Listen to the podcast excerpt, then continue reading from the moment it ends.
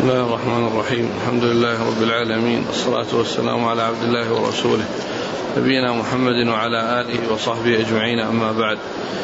فيقول أمير المؤمنين في الحديث أبو عبد الله محمد بن إسماعيل البخاري رحمه الله تعالى يقول في كتابه الجامع الصحيح باب صوم يوم عرفة. قال حدثنا علي بن عبد الله قال حدثنا سفيان عن الزهري قال حدثنا سالم قال سمعت عميرا مولى أم الفضل عن أم الفضل رضي الله عنها قالت شك الناس يوم عرفة في صوم النبي صلى الله عليه وآله وسلم فبعثت إلى النبي صلى الله عليه وسلم بشراب فشربه. بسم الله الرحمن الرحيم الحمد لله رب العالمين وصلى الله وسلم وبارك على عبده ورسوله. نبينا محمد وعلى آله وأصحابه أجمعين. أما بعد يقول الإمام البخاري رحمه الله باب صوم يوم عرفة. أي صوم يوم عرفة بعرفة. لأن صوم يوم عرفة في حق الحجاج جاء فيه هذا الحديث. وأما غير الحجاج فإن صوم يوم عرفة أفضل يوم يصام تطوعا. أفضل يوم يصام تطوعا هو يوم عرفة. لقوله عليه الصلاة والسلام كما في صحيح مسلم عن صوم يوم عرفة قال احتسب على الله يكفر السنة الماضية والسنة الآتية. ويليه يوم عاشوراء الذي قال فيه النبي صلى الله عليه وسلم أنه يكفر السنة الماضية. وأما في حق الحجاج الذين هم واقفون بعرفة فإن الأفضل في حقهم أن يكونوا مفطرين ليتقووا على الذكر والدعاء والاستغفار لأن لأنهم إذا صاموا قد يصيب الصائم منهم الكسل والخمول وقد يحتاج إلى النوم فتمضي عليه تلك الساعات النفيسة دون أن يستعملها في الدعاء والذكر والاستغفار. ولهذا يعني آه، الرسول عليه الصلاة والسلام كما جاء في الحديث وقف بعرفة مفطرا ولم يكن صائما عليه الصلاة والسلام. والصحابة رضي الله عنهم وأرضاهم شكوا يعني في كونه صائم وغير صائم. لهذا قال بعضهم هو صائم بعضهم قال مفطر وكان مما فعلته آه، لبابة بنت الحارث الهلالية أم الفضل ابن عباس رضي الله تعالى عنها أنها يعني أخذت قدحا من لبن وقالت ناولوه إياه وكان راكبا على بعيره عليه الصلاة والسلام. فشرب منه عليه الصلاة والسلام فعرفوا أنه مفطر وليس بصائم. وكان راكبا على بعيره والناس يرون. فعلم بهذا أن السنة في حق الحجاج أن يكونوا مفطرين ليتقووا على الذكر والدعاء ولئلا يصيبهم الكسل والخمول والحاجة إلى النوم إذا كانوا إذا كانوا صائمين.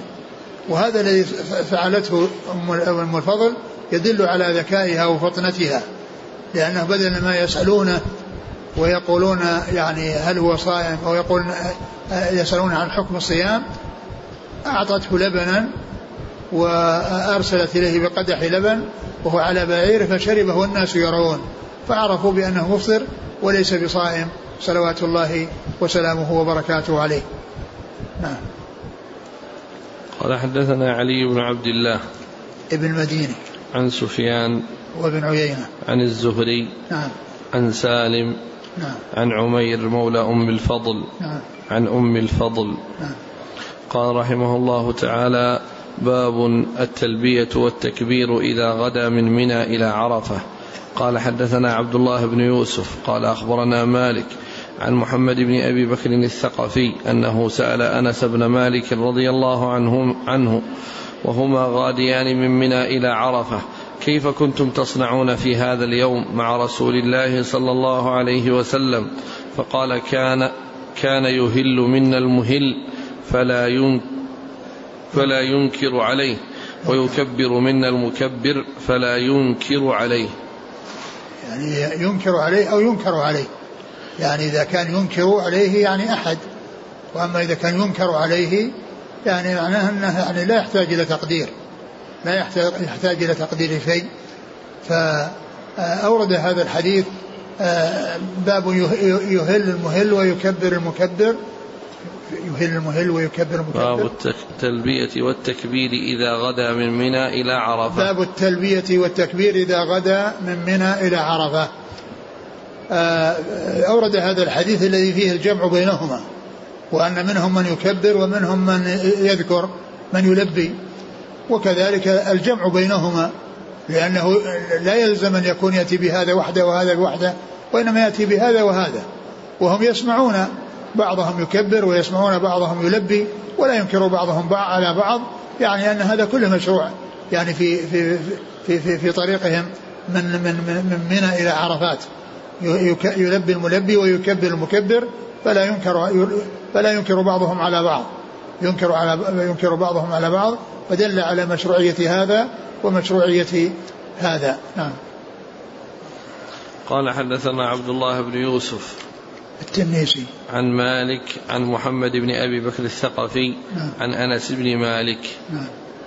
قال رحمه الله تعالى باب التهجير بالرواح يوم عرفة قال حدثنا عبد الله بن يوسف قال أخبرنا مالك عن ابن شهاب عن سالم أنه قال كتب عبد الملك إلى الحجاج الا يخالف ابن عمر في الحج فجاء ابن عمر رضي الله عنهما وأنا معه يوم عرفة حين زالت الشمس فصاح عند سرادق الحجاج فخرج وعليه ملحفة معصفرة فقال ما لك يا أبا عبد الرحمن؟ فقال الرواح إن كنت تريد السنة. قال هذه الساعة؟ قال نعم. قال فأنظرني حتى أفيض على رأسي. ثم أخرج فنزل حتى خرج الحجاج فسار بيني وبين أبي فقلت إن كنت تريد السنة فاقصر الخطبة وعجل الوقوف. فجعل ينظر إلى عبد الله فلما رأى ذلك عبد الله قال صدق. ثم ذكر باب التهجير إلى عرفة. التهجير يعني التبكير في في في, في الهاجرة. الهاجرة هي نصف النهار والتهجير هو أن يبكر يعني فيها ولا يعني يؤخرها لا يؤخرها يعني لا يكون فيه إبراد بها وإنما يكون تبكير بها يعني بصلاة الظهر يعني الذهاب إلى عرفة فيصلي بها الظهر والعصر في أول وقت وقت الظهر ثم بعد ذلك يبدأ الوقوف ويستمر يعني إلى غروب الشمس حيث يكون الانطلاق من عرفة إلى مزدلفة يعني بعد غروب الشمس وبعد التحقق من غروبها. والمقصود من ذلك أن أن هذا تهجير من من من, من نمرة. المكان الذي كان يعني كانوا نازلين فيه. يعني لأن الذهاب لأن الرسول عليه الصلاة والسلام كان يذهب يعني بعد طلوع الشمس أو بعد يعني في أول النهار وينزل بنمرة. ثم بعد ذلك يعني يخطب ب يعني يخطب في يعني في, في مكان يعني على حد عرفة أو قريب من عرفة. والمقصود من ذلك التهجير من هذا المكان الذي كان نازلا فيه وهو المكان الذي فيه نمرة. وكان عبد الملك بن مروان أمر الحجاج أنه يأخذ بما يوجهه به عبد الله بن عمر فيما يتعلق بأعمال الحج والسير بالحج. فكان آه، جاء إليه عند سرادقه وكان راكبا ونادى به فخرج وقال آه، وقال له آه، السنة قال له الرواح إن كنت تريد السنة. الرواح إن كنت تريد السنة يعني الرواح إلى عرفة.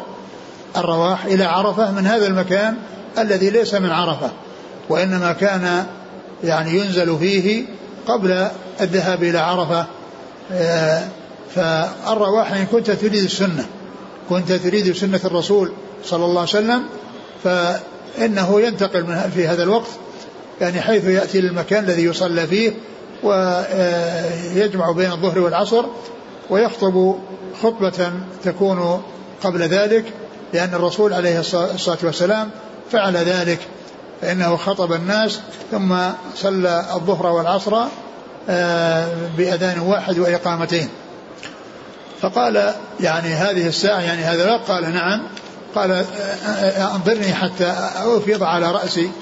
فيعني وفيه أنه خرج وعليه ملحفة معصفرة يعني أن فيه أنها مصبوغة بالعصفر والمقصود بالملحفة أن عليه إزار لأنه كان محرما اللي هو الحجاج يعني عليه إزار يعني طويل يعني وهو المقصود بالملحفة. فقال دعني أفيض على رأسي يعني أنه يغتسل ثم إنه اغتسل وصار آه، عبد الله بن عمر ينتظره ثم مشوا وكانوا راكبين. وقال يعني سالم يعني إنه كان يعني آه، كان بينه كان بينه وبين بين أبيه وبين الحجاج. فقال سالم إن كنت تريد السنة فعجل فاقصر الخطبة وعجل الصلاة. كنت الخطبة تريد السنة فأقصر الخطبه وعجل الصلاة. وعجل الوقوف. وعجل الوقوف. عجل الوقوف معناه معناه مع ذلك إن الوقوف إنما يأتي بعد الصلاة. لأن الصلاة يبادر بها ثم يأتي الوقوف بعدها. وعجل الوقوف يعني أنه من حين يصلي يبدأ الوقوف. ف يعني لما قال له سالم هذا الكلام صار يعني الحجاج ينظر إلى ابن عمر يعني يريد يعني هل يوافق على هذا الكلام أو إنه يصدق هذا الكلام. أو أنه يعني يعني أنه يؤيد هذا الكلام فقال يعني آه، فقال له نعم.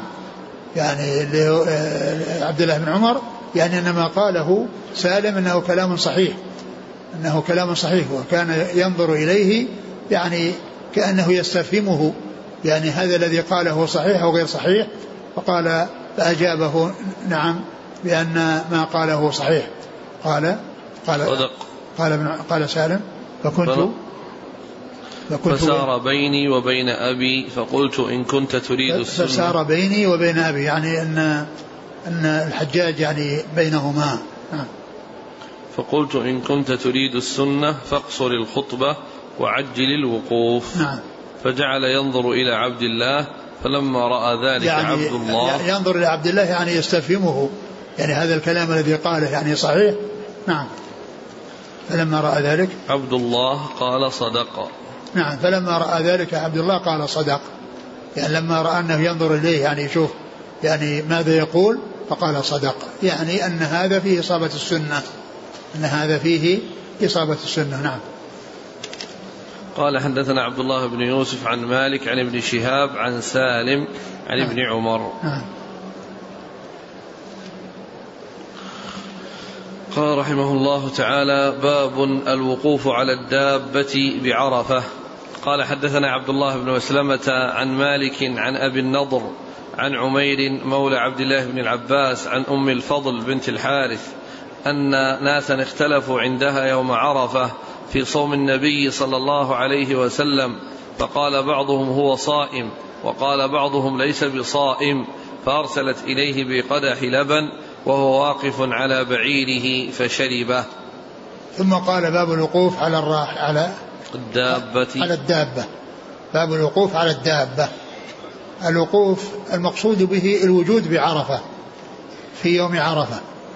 الوجود بعرفة يوم عرفة سواء كان راكبا أو قائما أو جالسا أو مضطجعا كل ذلك يقال له وقوف. يعني المهم الوجود بعرفة.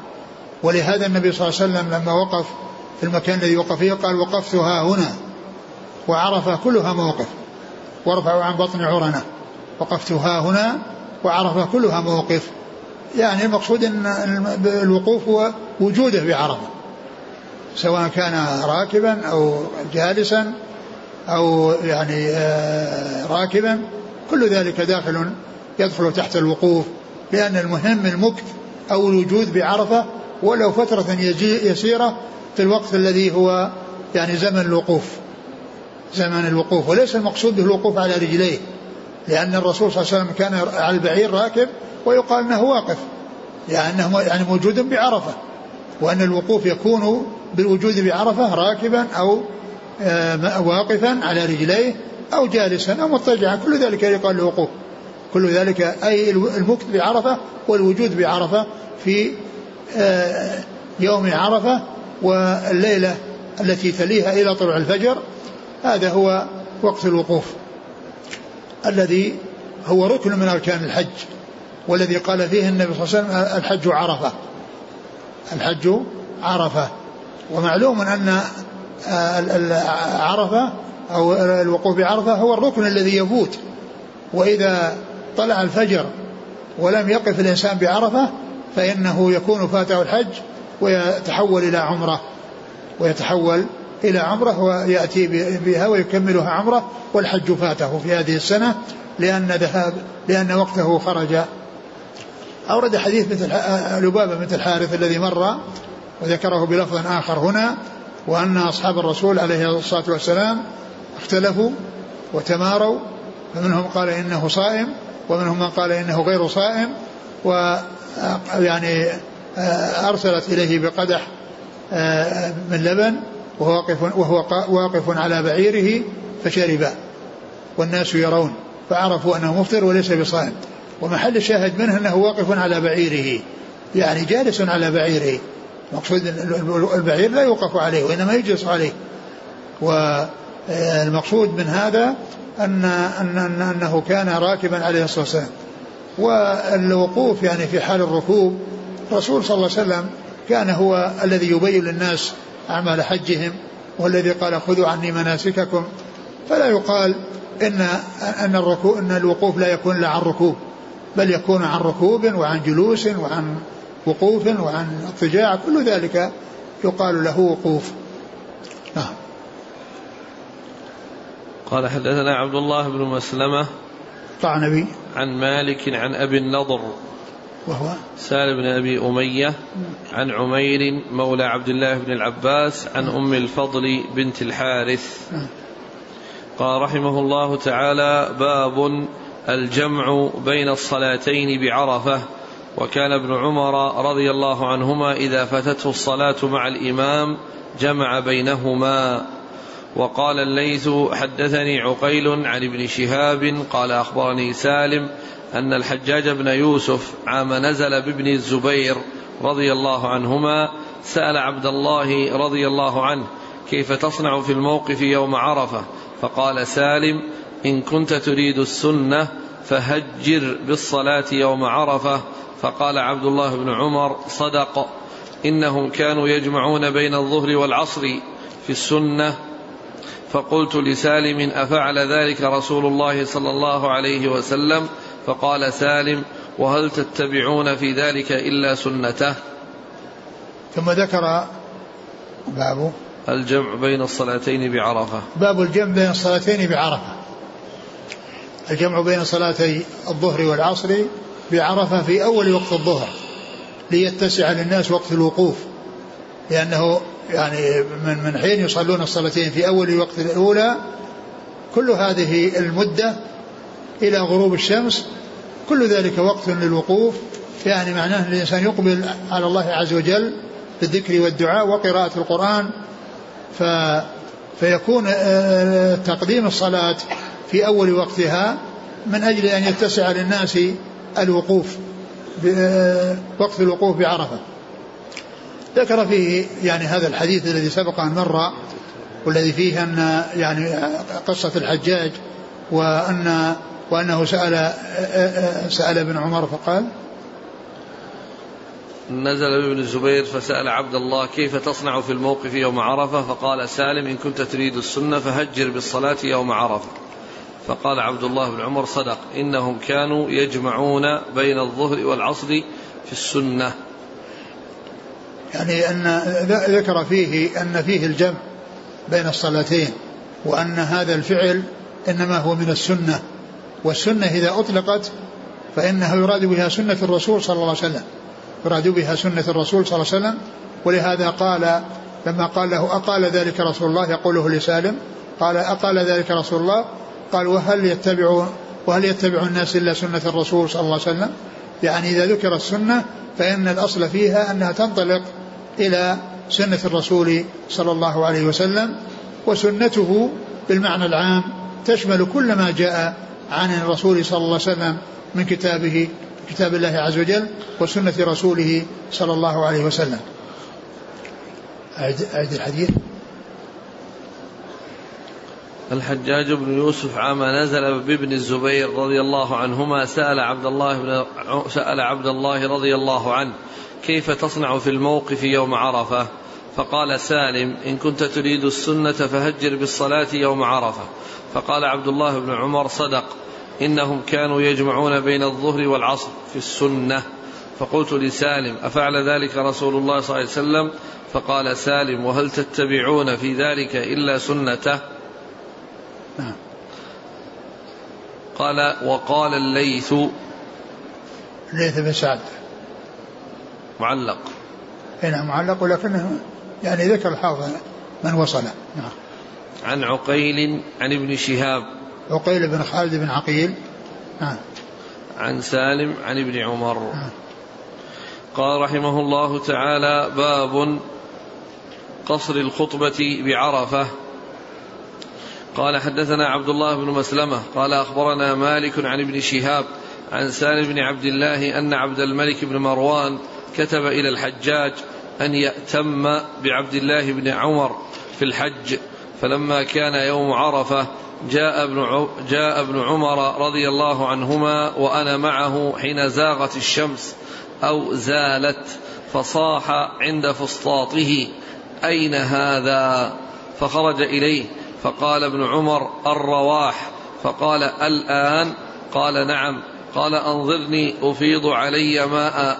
فنزل ابن عمر رضي الله عنهما حتى خرج فسار بيني وبين أبي فقلت إن كنت تريد أن تصيب السنة اليوم فاقصر الخطبة وعجل الوقوف فقال ابن عمر صدق.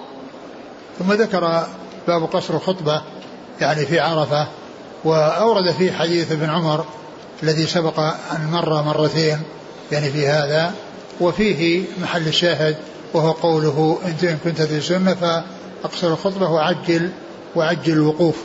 وعجل الوقوف يعني بعد الفراغ من الصلاة فإن الوقوف يبدأ يعني بعد ذلك.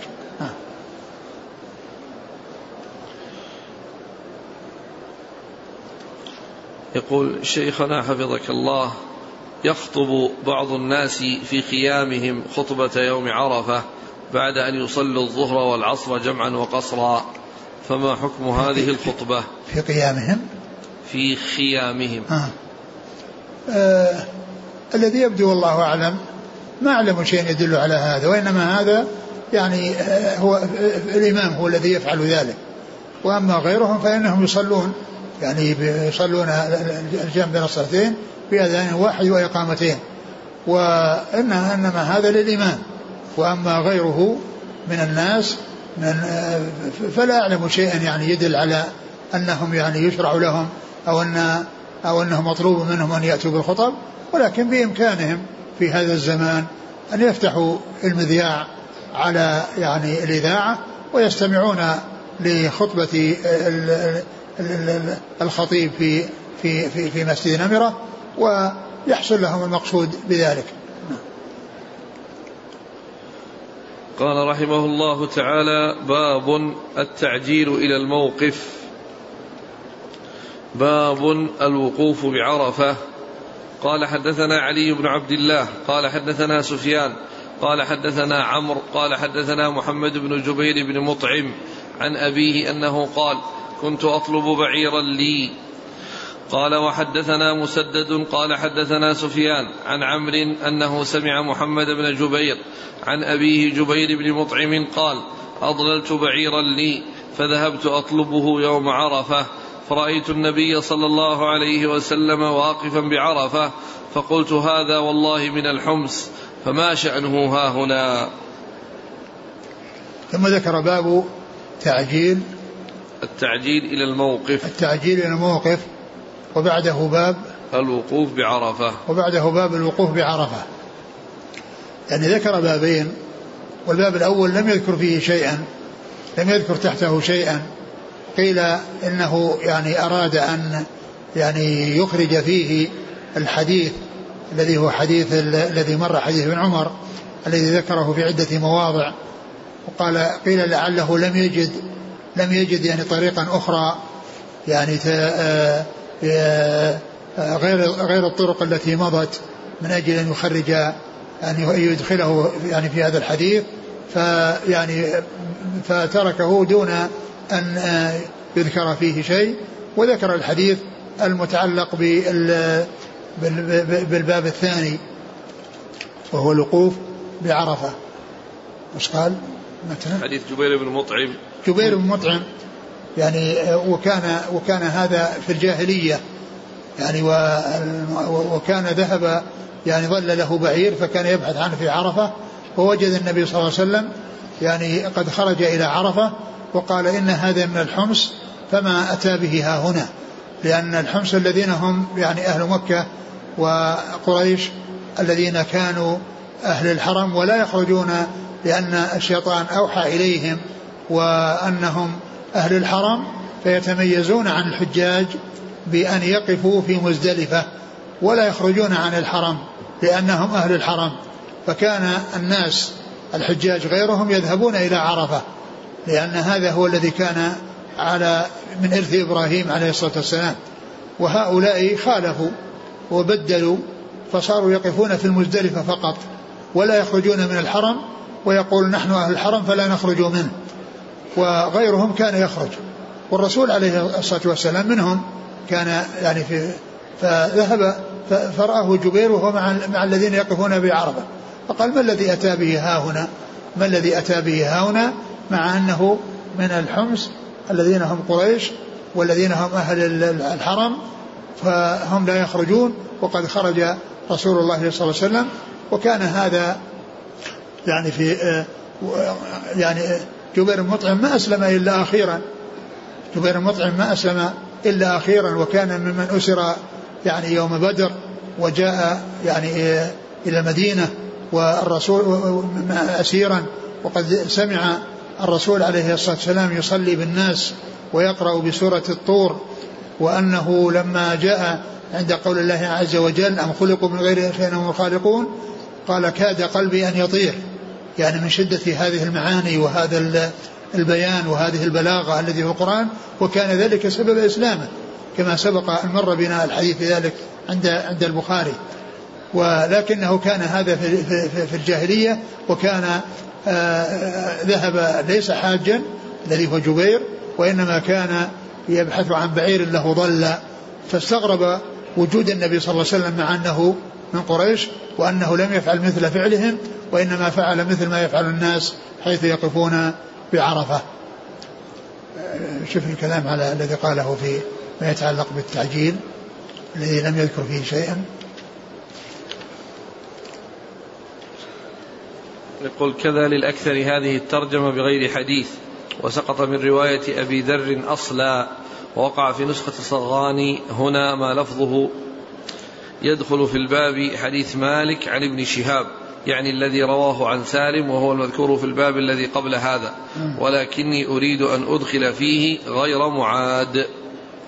ولكن يعني ولكنه يريد أن يدخل فيه غير معاد يعني حديث غير معاد يعني غير مكرر. يعني بأنه يأتي به يعني مع تفاوت يعني في السند والمتن والأحاديث التي آه، حصلت للبخاري معادة بأسانيدها ومتونها عدد قليل جدا والأحاديث مع كثرتها في صحيح البخاري وتكرار التراجم للحديث الواحد من أجل الاستدلال به على مسألة من المسائل كان يأتي بتفاوت بالإسناد والمتن أو فيهما جميعا والمواضع التي آه، اتفقت إسنادا ومتنا هذه تبلغ 24 24 موضعا أو 25 ويعني وهي قليلة جدا وأنا قد ذكرتها في الفوائد المنتقاة لأني ذكرتها وبلغت 24 وذكرت أرقامها. يعني في الرقم الذي تكرر فيه الحديث الحديثين في أكثرها في موضعين وبعضها في ثلاثة مواضع. وبعضها تتكرر في ثلاثة مواضع. وقد ذكرتها في الفوائد المنتقاه من فتح الباري وكتب أخرى. قال يعني كان قال يدخل فيه الحديث آه، كذا الذي ولكنه أراد أن يدخل شيئا غير معاد يعني غير مكرر. نعم ولكنه الذي هو مكرر قلت إنه يبلغ هذا المقدار اللي هو 24 24 آه، موضعا. نعم.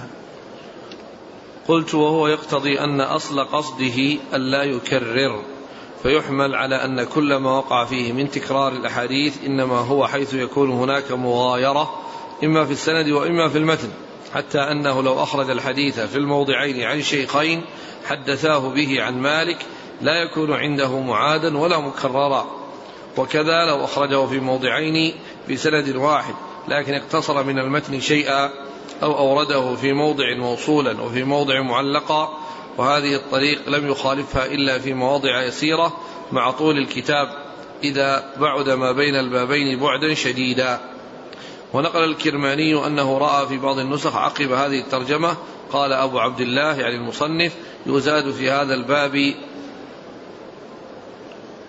هم؟ هم حديث هم هم. هم. إيه. كلمة يعني تقال هكذا. سيشرح هذا الحديث هم حديث مالك عن عن ابن عن عن ابن شهاب. نعم. عن شهاب غلط عن ابن شهاب. نعم. ولكني لا أريد إذا أدخل فيه معادا نعم. أي مكررا نعم. قلت كأنه لم يحضره حينئذ طريق للحديث المذكور عن مالك غير الطريقين اللتين ذكرهما. وهذا يدل على أنه لا يعيد حديثا إلا لفائدة إسنادية أو متنية كما قدمته. وأما قوله في هذه الزيادة التي نقل الكرماني هم فهي بفتح الهاء وسكون الميم. قال الكرماني قيل إنها فارسية وقيل عربية ومعناها قريب من معنى أيضا. قلت صرح غير واحد من علماء العربية ببغداد بأنها لفظة اصطلع عليها أهل بغداد وليست بفارسية. ولا هي عربية قطعا. وقد دل كلام الصغراني في نسخته التي أتقنها وحررها وهو من أئمة اللغة. خلو كلام البخاري عن هذه اللفظة. قال حدثنا علي بن المديني علي بن عبد الله عن سفيان عن عمرو. عمرو بن دينار. عن محمد بن جبير بن مطعم عن أبيه. نعم. قال وحدثنا مسدد عن سفيان. سفيان آه، بن عيينة. مسدد عن سفيان عن عمرو. نعم سفيان بن عيينة. عن محمد بن جبير عن أبيه جبير بن مطعم. نعم. قال حدثنا فروة بن أبي المغرى قال حدثنا علي بن مسهر عن هشام بن عروة قال عروة كان الناس يطوفون في الجاهلية عراه إلا الحمس. والحمس قريش وما ولدت. وكانت الحمس يحتسبون على الناس يعطي الرجل الرجل الثياب يطوف فيها وتعطي المرأة المرأة الثياب تطوف فيها فمن لم يعطه الحمس طاف بالبيت عريانا. وكان يفيض جماعة الناس من عرفات ويفيض الحمس من جمع. قال وأخبرني أبي عن عائشة رضي الله عنها أن هذه الآية نزلت في الحمس ثم أفيضوا من حيث أفاض الناس. قال كانوا يفيضون من جمع فدفعوا إلى عرفات. ثم ذكر هذا الحديث عن عن عن عائشة. عن عائشة رضي الله عنها أوله, أوله عن عروة أثر ثم عن عائشة. في نعم. وش وش لفظه؟ قال عروة كان الناس يطوفون في الجاهلية عراة إلا الحمص. نعم. والحمص قريش وما ولدت. كانت قريش, قريش وما ولدت. يعني القريش سبق أن مر أنهم أولاد فهر بن مالك بن النضر بن كنانة. وهو الأبو الحادي عشر للرسول صلى الله عليه وسلم. فكل من كان من أولاد فهر فإنه قرشي. ويعني وقريش هم من كنانة. وسبق أن مر ذكر الحديث الذي في صحيح مسلم أن النبي عليه الصلاة والسلام قال إن الله اصطفى كنانة من ولد إسماعيل واصطفى قريشا من كنانة واصطفى بني هاشم من من قريش واصطفاني من بني هاشم. صلوات الله وسلامه وبركاته عليه. يعني أن يعني قريش وما ولدت يعني الذين هم ينتمون إلى قريش وهم أولاد فهر ابن مالك. نعم. وكانت الحمس يحتسبون من الناس يعطي الرجل الرجل الثياب يطوف بها وتعطي المرأة المرأة الثياب تطوف فيها فمن لم يعطه الحمس طاف بالبيت عريانا. وهذا يعني يبين أن أن أن أنهم يأتون يعني وأنهم إن إذا حصلوا يعني ثيابا من ثياب الحمس الذين هم قريش أهل الحرم فإنهم يطوفون بها ومن لم يحصل شيئا من ذلك فإنه يطوف بالبيت عريانا. نعم. وبعده. وكان يفيض جماعة الناس من عرفات ويفيض الحمص من جمع. وكان يفيض جماعة الناس من عرفات. لأنهم يقفون بعرفات ويفيضون منها. وأما الحمص الذين هم الحرم فإنهم لا يخرجون من الحرم وإنما يقفون بمزدلفة ويرجعون منها ولا يخرجون. وقد نزل القرآن يعني مبينا أن أنهم يفيضون من حيث أفاض الناس وأنهم يعني لا هذا الفعل الذي كانوا يفعلونه أن هذا أمر منكر وأن عليهم أن يدفعوا إلى عرفة وأن يفيضوا منها كما يفيض الناس وأن هذا الذي أحدث وحصل لقريش أنهم يقفون في الحرم هذا من تلاعب الشيطان بهم وفيه المخالفة لما كان عليه الحج الذي كان يعني هو من يعني من ميراث إبراهيم إبراهيم الخليل عليه الصلاة والسلام يعني في الوقوف بعرفة ثم المزدلفة وهكذا نعم.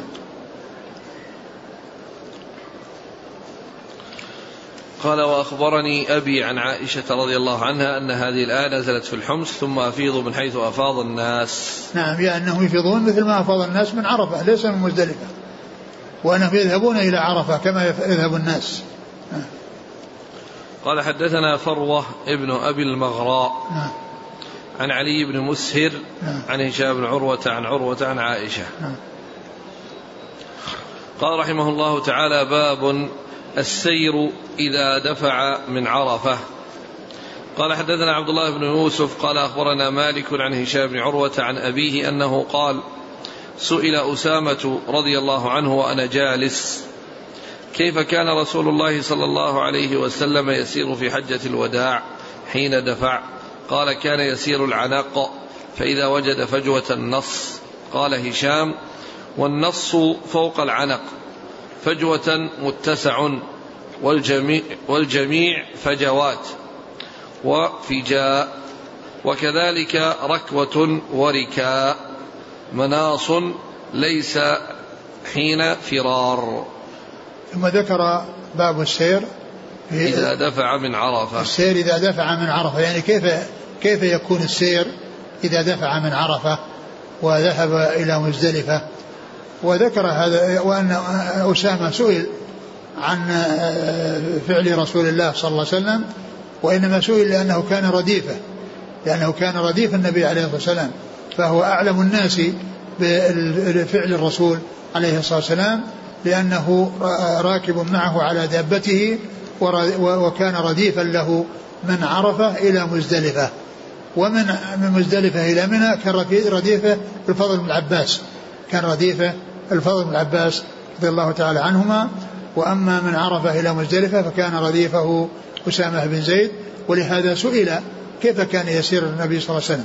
قال كان يسير العنق. والعنق يعني ضرب من السير يعني خفيف يعني فيه إسراع ليس بشديد فإذا وجد فرجة فجوة نص. فإذا وجد فجوة يعني متسعة في الطريق يعني نص أسرع يعني زاد في الإسراع. من أجل أن أن يقطع المسافة. لكنه لا ما كان يسرع مع الزحام ومع شدة الزحام وإنما كان يسير سيرا خفيفا فإذا وجد فرجة فجوة يعني بين يعني أمامه يعني أرخى لنفسه لذابته العنان فأسرع يعني زيادة. فالنص هو نوع من السير أكثر من ال من ال العناق أكثر من العناق. نعم. ثم قال فجوة متسع والجميع فجوات. فجوة فجوة يعني نص متسع يعني وجد أمامه متسعا يمكن الدابة أن تمشي فيه دون أن تؤذي أحدا أو, دون أن يحصل أذى لأحد لأنه مكان فاضي. وأما مع الزحام فكان يمشي أو يسير السير الخفيف. نعم. والجميع فجوات وفجاء والجميع الجميع أي الجمع جمع فجوة فجوات وفجاء وكذلك ركوة وركاء. وكذلك مثل ركوة وركاء وركوات. يعني أن هذا لفظ مثل هذا اللفظ. مناص ليس حين فرار. يعني مناص هذه كلمة في القرآن ولا تحين مناص يعني ليس هناك فرار. ومعلوم أن هذا يختلف يعني المعنى يختلف عن معنى النص الذي هو الإسراع؟ لأن هذا بمعنى إسراع اللي هو فوجه النص والكلمة اللي في القرآن لا مناص يعني لا محيد ولا ملجأ. يعني فالمعنى يختلف ولكنه متفق في اللفظ. فلما كانت هذه اللفظة يعني لها موافقة في أصل المادة مع مع كلمة نص أتى بها وبين معناها. قال إيش؟ لا لا لا محيد. تفسير. مناص ليس حين فرار. نعم. قال رحمه الله تعالى باب النزول بين عرفة وجمع. قال حدثنا مسدد قال حدثنا حماد بن زيد عن يحيى بن سعيد عن موسى بن عقبة عن كريب مولى بن عباس عن أسامة بن زيد رضي الله عنهما أن النبي صلى الله عليه وسلم حيث أفاض من عرفة مال إلى الشعب فقضى حاجته فتوضأ فقلت يا رسول الله أتصلي؟ فقال الصلاة أمامك. ثم ذكر باب النزول بين عرفة وجمع. النزول بين عرفة وجمع يعني للحاجة. إذا كان الإنسان محتاج إلى أن ينزل لقضاء حاجة فيفعل. والرسول عليه الصلاة والسلام آآ آآ لما انصرف من عرفة إلى مزدلفة جاء إلى شعب يعني ومال يعني إليه ونزل وقضى حاجته صلى الله عليه وسلم وتوضأ يعني وضوءا خفيفا توضأ وضوءا خفيفا وقال له أسامة آه، الصلاة يعني تريد الصلاة وأن تصلي هنا قال الصلاة أمامك يعني أنه يمشي حتى يصل إلى مزدلفة ويصلي بها ويصلي بها صلوات الله وسلامه وبركاته عليه. فهذا نزول للع... نزول عارض للحاجة. وإذا كان الإنسان يحتاج أن ينزل لقضاء حاجة أو ينزل ليستريح ف... فله أن يفعل ذلك. وإذا كان ليس بحاجة إلى النزول فهو يسير. ويعني هذا الحديث فيه أنه توضأ عليه الصلاة والسلام يعني آه قال وضوءا خفيفا هنا ولا ما ذكره؟ قال أنه فتوضأ فقط. آه، لأن سيأتي بعد ذلك سيأتي بعد ذلك أنه توضأ وضوءا خفيفا وبعد ذلك توضأ بمزدلفة. لما وصل إليها وضوءا أسبقه. صلوات الله وسلامه وبركاته عليه. وقد ذكر الحافظ بن حجر أن هذا الماء الذي توضأ به الرسول عليه الصلاة والسلام في هذا في هذه في هذه الحالة وهو في ذلك الشعب الذي آه، بين عرفة ومزدلفة ذكر الحافظ فيما مضى عند الحديث رقم 138 عند شرحه قال فائدة هذا الماء الذي توضأ به الرسول صلى الله عليه وسلم هو من ماء زمزم. قال إنه رواه آه، عبد الله بن أحمد في مسند في زوائد مسند أبيه بإسناد حسن يعني أنه من ماء زمزم. وهذا يدل على أن ماء زمزم يعني يستعمل للشرب ويستعمل للوضوء وأنه يعني يعني ليس خاصا بالشرب. ماء زمزم ليس خاصا بالشرب بل يتوضأ منه ويستنجى منه وأنه لا بأس بذلك. وهذا مثل من جنس الماء الذي نبع من بين أصابعه صلى الله عليه وسلم ويعني ملأ الناس يعني الروايا والقرب التي كانت معهم وكانوا يستعملون ذلك للوضوء ولغيره. فهذا الذي خرج من بين يدي الرسول صلى الله عليه وسلم ماء مبارك وكانوا يستعملونه في هذه الأمور وماء زمزم ماء مبارك وكانوا يستعملونه للشرب وغير الشرب وهذا هذه الفائدة ذكرها الحافظ بن حجر فيما مضى عند شرح الحديث حديث أسامة بن زيد الذي سبق أن مر ورقمه 138 قال حدثنا مسدد عن حماد بن زيد نعم.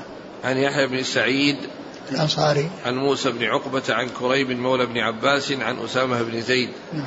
قال حدثنا موسى بن إسماعيل قال حدثنا جويرية عن نافع قال كان عبد الله بن عمر رضي الله عنهما يجمع بين المغرب والعشاء بجمع غير أنه يمر بالشعب الذي أخذه رسول الله صلى الله عليه وسلم فيدخل فينتفض, فينتفض ويتوضأ ولا يصلي حتى يصلي بجمع.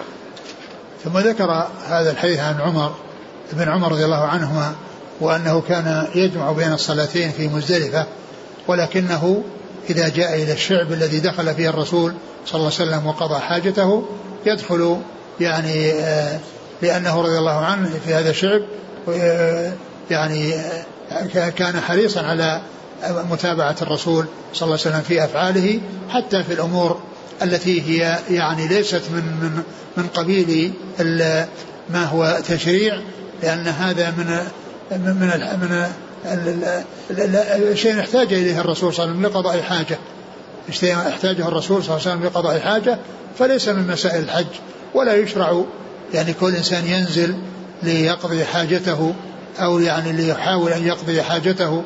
لا لا يشرع ذلك وإنما من احتاج في أي مكان يعني يقضي حاجته ينزل في ولكنه وليس ليس هذه مسائل الحج. ولا يقال إن هذا من الأمور المطلوبة والمشروعة في الحج. ولكن ابن عمر رضي الله عنه كان يحرص على فعل ما يفعله الرسول صلى الله عليه وسلم حتى في الأمور التي هي ليست من قبيل التشريع. نعم. قال حدثنا موسى بن إسماعيل التبوذكي عن جويرية ابن أسماء. عن نافع وهو عن اسمه واسم أبيه موافق لأسماء النساء جويريه بن اسماء يعني فهما اسمان اسمه واسم أبيه موافقة لأسماء النساء. قال حدثنا قتيبة قال حدثنا إسماعيل بن جعفر عن محمد بن أبي حرملة عن كريب مولى بن عباس عن أسامة بن, أسامة بن زيد رضي الله عنهما أنه قال ردفت رسول الله صلى الله عليه وسلم من عرفات فلما بلغ رسول الله صلى الله عليه وسلم الشعب الأيسر الذي دون المزدلفة أناخ فبال ثم جاء فصببت عليه الوضوء توضأ وضوءا خفيفا فقلت الصلاة الصلاة يا رسول الله قال الصلاة أمامك فركب رسول الله صلى الله عليه وسلم حتى أتى المزدلفة فصلى ثم ردف الفضل رسول ثم ردف الفضل رسول الله صلى الله عليه وسلم غداة جمع. قال كريب فأخبرني عبد الله بن عباس رضي الله عنهما عن الفضل أن رسول الله صلى الله عليه وسلم لم يزل يلبي حتى بلغ الجمرة. ثم ذكر هذا الحديث عن عن عن أسامة بن زيد رضي الله تعالى عنهما وهو مثل ما تقدم في كونه آه، كان رديف النبي صلى الله عليه وسلم من عرفة إلى مزدلفة وأنه لما جاء يعني قريبا من مزدلفة وكان في شعب على يساره فنزل وبال ثم إنه جاء إليه يعني بعدما يعني آه، استجمر أو توضا واستنجى جاء إليه وجعل يصب عليه الماء وهو يتوضأ. وضوءا خفيفا عليه الصلاة والسلام ولما رآه يتوضأ ويعني ظن أنه يريد الصلاة فقال أتريد أن تصلي؟ يا رسول الله قال الصلاة أمامك. يعني أن الصلاة بالمزدلفة. نعم. وذكر بعد ذلك أن الفاضل ردف النبي صلى الله عليه وسلم يعني بدل أسامة بن زيد من مزدلفة إلى منى وأنه وأخبر عن عن عن, عن أخيه ابن عبد الله بن عباس يروي عنه أنه لم يزل يلبي حتى أتى الجمرة. نعم قال حدثنا قتيبة عن إسماعيل بن جعفر عن محمد بن حرملة بن أبي حرملة عن كريب مولى بن عباس عن أسامة بن زيد. نعم. قال رحمه الله تعالى باب أمر النبي صلى الله عليه وسلم بالسكينة عند الإفاضة وإشارته وإشارته إليهم بالسوط.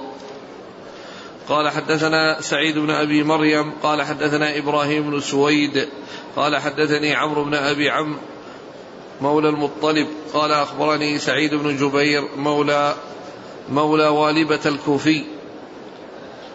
قال حدثني ابن عباس رضي الله عنهما أن أنه دفع مع النبي صلى الله عليه وسلم يوم عرفة فسمع النبي صلى الله عليه وسلم وراءه زجرا شديدا وضربا وصوتا للإبل فأشار بصوته إليهم وقال أيها الناس عليكم بالسكينة فإن البر ليس بالإيضاع أوضعوا أسرعوا خلالكم من التخل من التخلل بينكم وفجرنا خلالهما بينهما. ثم ذكر باب أمر النبي صلى الله عليه وسلم بالسكينة عند الإفاضة. أمر النبي صلى الله عليه وسلم بالسكينة عند الإفاضة يعني إفاضة من عرضه الرسول عليه الصلاة والسلام بين الطريقة التي تفعل في قوله وفعله عليه الصلاة والسلام. أما قول فعله فالحديث الذي مر عن أسامة بن زيد. قال كان النبي صلى الله عليه وسلم يسير العنق فإذا وجد فرجة النص يعني أنه يسير سيرا خفيفا يعني إذا كان هناك زحام وإذا وجد متسعا من الأرض أمامه خالي ليس في أحد أسرع. ما أنه يعني يتقدم في المشي. ف ثم إنه بين ذلك بقوله عليه الصلاة والسلام. يعني فجمع في بيان هذا بين القول والفعل. الفعل هو ما تقدم والقول هو هذا الذي جاء في هذا الحديث. أن النبي صلى الله عليه وسلم كان يسير من عرفة فسمع وراءه يعني زجرا وضربا وصوتا للإبل فيعني فالرسول جعل يشير إليهم بصوته بصوت في يده ويقول السكينة عليكم السكينة فإنه ليس البر ليس ليس البر بالإيضاع. يعني الإيضاع هو الإسراع. وإنما قال عليكم السكينة يعني امشوا وعليكم السكينة بدون أن تسرعوا بحيث تحتاجون إلى زجر الإبل وإلى ضربها وإلى يعني أن يلحق بعضهم الضرر ببعض بسبب ذلك فكان عليه الصلاة والسلام يشير إليهم بصوت في يده ويقول السكينة السكينة فإنه ليس البر بالإيضاع لأن البر يعني وإنما هو بكل ما جاء بامتثال ما جاء عن الله وعن رسوله صلى الله عليه وسلم وليس بالإيضاع الذي هو الإسراع إلى إلى هذا المكان الذي يذهبون إليه وهو آه، الذهاب إلى مزدلفة. ثم إنه يعني من عادته المتكررة والتي ذكر الحافظ بن حجر أن هذه طريقته أنه إذا كان في الحديث كلمة غريبة فإنه لا يفسر الكلمة الغريبة وإنما يأتي بكلمة من القرآن تماثلها. ثم يفسر تلك الكلمة من القرآن فيكون بذلك جمع بين تفسير القرآن والحديث. جمع بين تفسير القرآن والحديث. فلما كان قوله ليس البر بالإيضاع يعني ما قال الإيضاع هو كذا وكذا وإنما جاء ولا أوضعوا خلالكم الكلمة من القرآن. ولا أوضعوا قال أسرعوا خلالكم يعني بينكم. يعني فأتى بالكلمة من القرآن وفسرها. وبتفسيره لها يكون مفسرا للقرآن والحديث. يكون مفسرا للقرآن والحديث وهذه طريقة البخاري رحمه الله. لأوضعوا خلالكم. يعني فأراد أن بدل ما يفسر كلمة الإيضاع أتى بكلمة القرآن هي بمعناها وهي أوضعوا خلالكم فقال أوضعوا أسرعوا والإيضاع هو الإسراع. ثم فسر الخلال قال يعني بينكم. ثم قال بعد ذلك وجاء فجرنا خلالهما فجرنا خلالهما نهرا يعني بينها ها. قال حدثنا سعيد بن أبي مريم عن نعم. إبراهيم بن سويد نعم. عن عمرو بن أبي عمرو مولى المطلب نعم. عن سعيد بن جبير نعم. مولى والبة الكوفي نعم. عن ابن عباس نعم. قال رحمه الله تعالى باب الجمع بين الصلاتين بالمزدلفة قال حدثنا عبد الله بن يوسف قال أخبرنا مالك عن موسى بن عقبة عن كريب عن أسامة بن زيد رضي الله عنهما أنه سمعه يقول دفع رسول الله صلى الله عليه وسلم من عرفة فنزل الشعب فبال ثم توضأ ولم يسبغ الوضوء فقلت له الصلاة فقال الصلاة أمامك. فجاء المزدلفة فتوضأ فأسبغ ثم أقيمت الصلاة فصلى المغرب ثم أناخ كل إنسان بعيرة في منزله ثم أقيمت الصلاة فصلى ولم يصلي بينهما. ثم ذكر باب الجمع بين الصلاتين بالمزدلفة. باب الجمع بين الصلاتين بالمزدلفة. الرسول عليه الصلاة والسلام لما وصل مزدلفة صلى. ويعني الصلاة بمزدلفة يعني صلاة المغرب والعشاء تكون بالمزدلفة. وصلاة الظهر والعصر تكون بعرفة أو بقرب عرفة. والوقوف إنما يكون بعرفة. والمغرب تصلى يجمع بينها بينها وبين العشاء وتصلى بالمزدلفة. وذكر هذا الحديث عن أسامة بن زيد آه، وفيه أنه لما وصل مزدلفة فيعني آه، يعني أذن وأقيمت صلاة المغرب وصليت ثم أناخ الناس رحالهم ثم أقيمت صلاة العشاء وصلى عليه الصلاة والسلام ركعتين ولم يصلي بينهما قال ولم يصلي بينهما؟ نعم. ولا على إثر لا ولم يصلي بينهما. ولم يصلي بينهما يعني لم يتنفل بين الصلاتين وكذلك أيضا جاء أنه ما صلى بين يعني بينهما ولا على إثر واحدة منهما. يعني أنه ما صلى يعني لا بعد يعني بعد المغرب ولا بعد العشاء. يعني الرواتب أنه ما كان يأتي بها في السفر عليه الصلاة والسلام. وإنما كان يأتي بالصلوات يعني يعني يأتي يعني مقصورة وفي حال القصر فإنه لا يؤتى يعني بالنوافل. ولهذا جاء ابن عمر قال لو كنت مسبحا لأتممت لو كنت مسبحا يعني متنفلا لأتممت. وما دامت أن الصلاة قصرت فلا يؤتى بنوافل بعدها أي التي هي الرواتب. وفي هذا أنه صلى المغرب والعشاء بأذان واحد وإقامتين. وأن الرحال يعني أنيخت يعني بين صلاة المغرب والعشاء وفي هذا أن الفاصل اليسير بين الصلاتين أنه أنه لا يؤثر في الجمع. قال رحمه الله تعالى باب من جمع بينهما ولم يتطوع.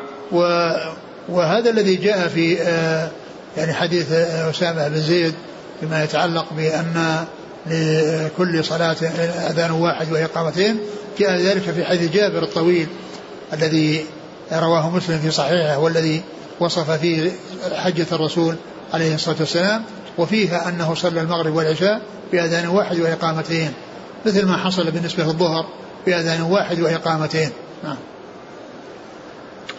قال حدثنا آدم قال حدثنا ابن أبي ذئب عن الزهري عن سالم بن عبد الله عن ابن عمر رضي الله عنهما أنه قال جمع النبي صلى الله عليه وسلم بين المغرب والعشاء بجمع كل واحدة منهما بإقامة ولم يسبح بينهما ولا على إثر كل واحدة منهما.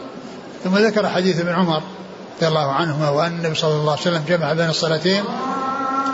هذا الحديث حديث ابن عمر رضي الله عنهما أيضا يتعلق بالجمع بين صلاتي المغرب والعشاء بمزدلفة وهو يعني مثل الذي قبله إلا أن فيه أن كل واحدة لها أذان وإقامة. وفيه أيضا أنه لم يصلي بينهما ولا على إثر واحد منهما. يعني ما صلى بينهما ولا على إثر واحد منهما. يعني لا صلى يعني لم يصلي بعد العشاء ولم يصلي بعد المغرب التي هي بين يعني النافلة بين المغرب والعشاء. ولا النافلة التي تكون بعد العشاء يعني أنه لا ما أنه ما أتى بالرواتب. ما أتى بالرواتب التي كان يأتي بها لما كان مقيما صلوات الله وسلامه وبركاته عليه. وفي هذا يعني مخالفة يعني ما جاء في هذا الحديث ذكر الأذان للثانية يعني مخالف لما جاء في حديث جابر وفي حديث أسامة بن زيد أنه بأذان واحد وإقامتين مع أن القصة واحدة. فلا شك أن الراجح والمقدم يعني بكونه بأذان واحد وإقامتين لأنه هو الذي جاء عن عن أسامة بن زيد وجاء عن آه، جابر رضي الله تعالى يعني عنهما. فيكون يعني آه، يعني ما جاء يعني من من, من الاقتصار على على أذان واحد يعني يعني الذي قبل الأولى يعني هو الذي مقدم على ذكر الأذانين وثم أيضا من ناحية المعنى فإن الأذان إنما يكون لجمع الناس ودعاء الناس الغير الموجودين أن يأتوا للصلاة. وأما الإقامة فهي إعلام الحاضرين بأن يقوموا إلى الصلاة. إعلام الحاضرين بأن يقوموا إلى الصلاة. فإذا الأرجح في هذا أنها يكون بأذان واحد وإقامتين كما جاء في حديث جابر وحديث أسامة بن زيد رضي الله تعالى يعني عن عنهما وما جاء في هذا الحديث يعني آه، مع أنه حكاية لواقعة واحدة يعني لا يمكن أن يجمع بينهما بأن بل لابد من الترجيح لأنها قضية واحدة جاء فيها أذان واحد وإقامتان آه، وجاء فيها إقامتان, إقامتان وأذانان فيكون المرجح ما جاء من الإذان الواحد والإقامتين. نعم. ثم أيضا قوله يعني لم يتلف على إذن واحد منهما لا يعني ذلك أنه لم يصلي يعني شيئا يعني من الليل أو أنه لم يصلي الوتر وإنما فيه ذكر الرواتب التي تكون يعني بعد الصلوات التي تكون بعد الصلوات يعني بعد المغرب وبعد العشاء لأن الرواتب يعني هي 12 كما جاء في الحديث الصحيح أربع قبل الظهر وثنتين بعدها وثنتين بعد المغرب وثنتين بعد العشاء وثنتين قبل الفجر. فهو كان يأتي بالنوافل بعد المغرب وبعد العشاء ركعتين وهذه من الرواتب فما كان يأتي بها في حال سفره وفي حال جمعه وقصره للصلاة. صلوات الله وسلامه وبركاته عليه. وأما فيما يتعلق بصلاة الليل أو بالوتر فإن الرسول صلى الله عليه وسلم ما كان يترك الوتر فعدم ذكره في هذا الحديث أو في لا يدل على عدم وجوده وإنما المعروف من من هديه صلى الله عليه وسلم أنه ما كان يترك الوتر لا في حضر ولا في سفر. صلوات الله وسلامه وبركاته عليه. قال حدثنا آدم عن ابن أبي ذئب. آدم ابن أبي ياس وابن أبي ذئب محمد بن عبد الرحمن عن الزهري عن سالم بن عبد الله عن ابن عمر نعم. قال حدثنا خالد بن مخلد قال حدثنا سليمان بن بلال قال حدثنا يحيى بن سعيد قال أخبرني عدي بن ثابت قال حدثني عبد الله بن يزيد الخطمي رضي الله عنه قال حدثني أبو أيوب الأنصاري رضي الله عنه أن رسول الله صلى الله عليه وسلم جمع في حجة الوداع المغرب والعشاء بالمزدلفة ثم ذكر هذا الحديث الذي فيه الجمع بين المغرب والعشاء بالمزدلفة. نعم. قال حدثنا خالد بن مخلد نعم هو القطواني عن سليمان بن بلال نعم. عن يحيى بن سعيد هو الأنصاري عن عدي بن ثابت نعم. عن عبد الله بن يزيد الخطمي نعم. عن أبي أيوب الأنصاري. وفيه رواية صحابي عن صحابي وتابعي عن تابعي. لأن يزيد يحيى بن سعيد الأنصاري هو من صغار التابعين. ويعني ففيه رواية صحابي صحابي عن صحابي وتابعي عن تابعي. نعم. قال رحمه الله تعالى باب من أذن وأقام لكل واحدة منهما. والله تعالى أعلم وصلى الله وسلم وبارك على عبده ورسوله نبينا محمد وعلى آله وأصحابه أجمعين. جزاكم الله خيرا وبارك الله فيكم. ألهمكم الله الصواب ووفقكم للحق. شافاكم الله وعافاكم ونفعنا الله ما سمعنا غفر الله لنا ولكم وللمسلمين أجمعين. آمين آمين. يقول هل كانت الحجة التي أضل فيها جبير بن مطعم بعيرة كانت قبل الهجرة؟ بلا شك. أقول بلا شك. قبل الهجرة ولا أدري هل هي يعني في هي بلا شك قبل الهجرة لأن لأن جبير بن مطعم يعني في ذاك الوقت كان كافرا. وما كان حاجا. وكما قلت إنه كان يعني اسر في بدر واتي به إلى المدينة وكان مأسورا وسمع النبي صلى الله عليه وسلم يصلي بالناس ويقرأ بالطور وأنه لما جاء عند قوله عز وجل أم خلقوا من غير شيء هم خالقون؟ الآيات قال كاد قلبي أن يطير. وكان ذلك سبب إسلامه. والحديث في صحيح البخاري. هو جاء لأسارى بدر. ليفتديه وليس من بدر نعم. وليس من الأسرى. ليس من الأسرى؟ وجاء ليفادي الأسرى. ما أدري. يقول أعاني من مرض في الساقين وهو تورم الساقين مما يستلزم لبس شراب طبي ضاغط في الساقين باستمرار. فهل يجوز لي لبس هذا الشراب مع ملابس الإحرام وأداء المنا... حين أداء المناسك العمرة؟ إذا كان أن هذا الضاغط على الساقين فقط فهذا لا يؤثر. لا بأس به. يعني يكون على الساقين أو على الركبتين أو على الفخذين. يعني يكون يضع ضاغط على ركبتيه أو على ساقيه أو على فخذيه لا بأس. وإنما المشكل إذا كان إذا كان أنه يغطي القدمين الذي هو الشراب فإن هذا لا يفعله. لا يفعل المحرم. وإن فعله يعني محتاج يعني ناسيا أو جاهلا فإنه ليس ليس عليه شيء ولكن يزيله. وأما إذا كان متعمدا يعني وكان ذلك للحاجة فإنه يفعله ويعني يفعله عليه الفدية.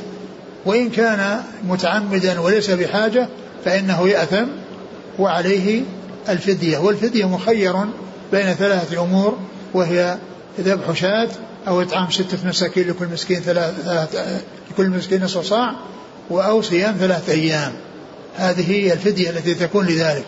أما إذا كان الضغط على الساقين فقط دون أن تغطى الرجلان وقدمان أو على الركبتين أو على الفخذين فإن ذلك لا يؤثر.